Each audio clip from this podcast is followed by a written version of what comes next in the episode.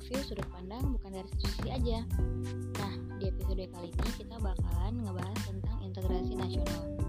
Apa sih integrasi nasional itu? Jadi, integrasi nasional adalah penyatuan atau pembawaan suatu bangsa sehingga menjadi satu kesatuan yang utuh. Menurut Howard Urigins, ada lima pendekatan atau cara bagaimana para pemimpin politik mengembangkan integrasi bangsa. Kelima pendekatan ini ialah faktor-faktor yang dapat menentukan tingkat integrasi di dalam suatu negara, tergantung juga bagaimana kita merespon tiap-tiap faktornya. Jadi kita akan mulai dari membahas yang pertama, yaitu ancaman dari luar. Seperti yang kita ketahui, ada banyak bentuk ancaman luar yang dapat merusak integrasi nasional kita. Ancaman-ancaman ini dapat berupa ancaman militer, ancaman politik, ancaman ideologi, ancaman ekonomi, ancaman sosial budaya, dan juga ancaman teknologi informasi. Jika tidak ditanggapi dengan tepat, ancaman-ancaman ini bisa merusak integrasi nasional negara. Namun, jika seluruh rakyat memiliki kesadaran yang sama untuk menolak segala ancaman dari luar, kita bisa bersatu dan memperkuat integritas nasional kita. Yang kedua ialah gaya politik kepemimpinan. Gaya kepemimpinan adalah bagaimana cara yang dipakai oleh seorang pemimpin untuk memimpin seluruh anggotanya dalam mencapai satu tujuan yang sama.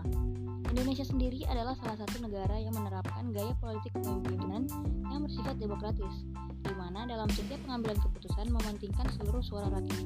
Dengan begini, integritas nasional dapat terjaga. Yang ketiga, ada kekuatan lembaga-lembaga politik. Setiap lembaga politik yang ada di negara kita memiliki peran dalam menggerakkan rakyat. Rakyat memiliki pilihan lembaga politiknya masing-masing. Namun, ada juga yang memilih untuk tidak mengikuti lembaga mana pun. Ideologi nasional. Dasar negara sangat penting dalam memperkuat integrasi nasional karena kita memiliki dasar yang sama, tujuan kita pun akan sama.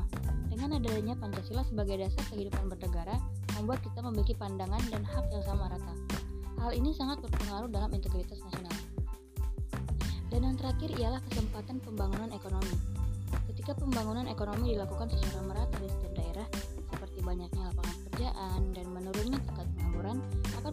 memperkuat integrasi nasional dengan sendirinya. Namun sebaliknya, dengan adanya tingkat pembangunan ekonomi yang tidak merata, akan membuat rakyat merasa daerahnya tidak diperhatikan oleh pemerintah yang bisa saja memunculkan disintegrasi. Nah, teman-teman, sekian um, podcast kali ini. Sampai jumpa di podcast selanjutnya. Dadah.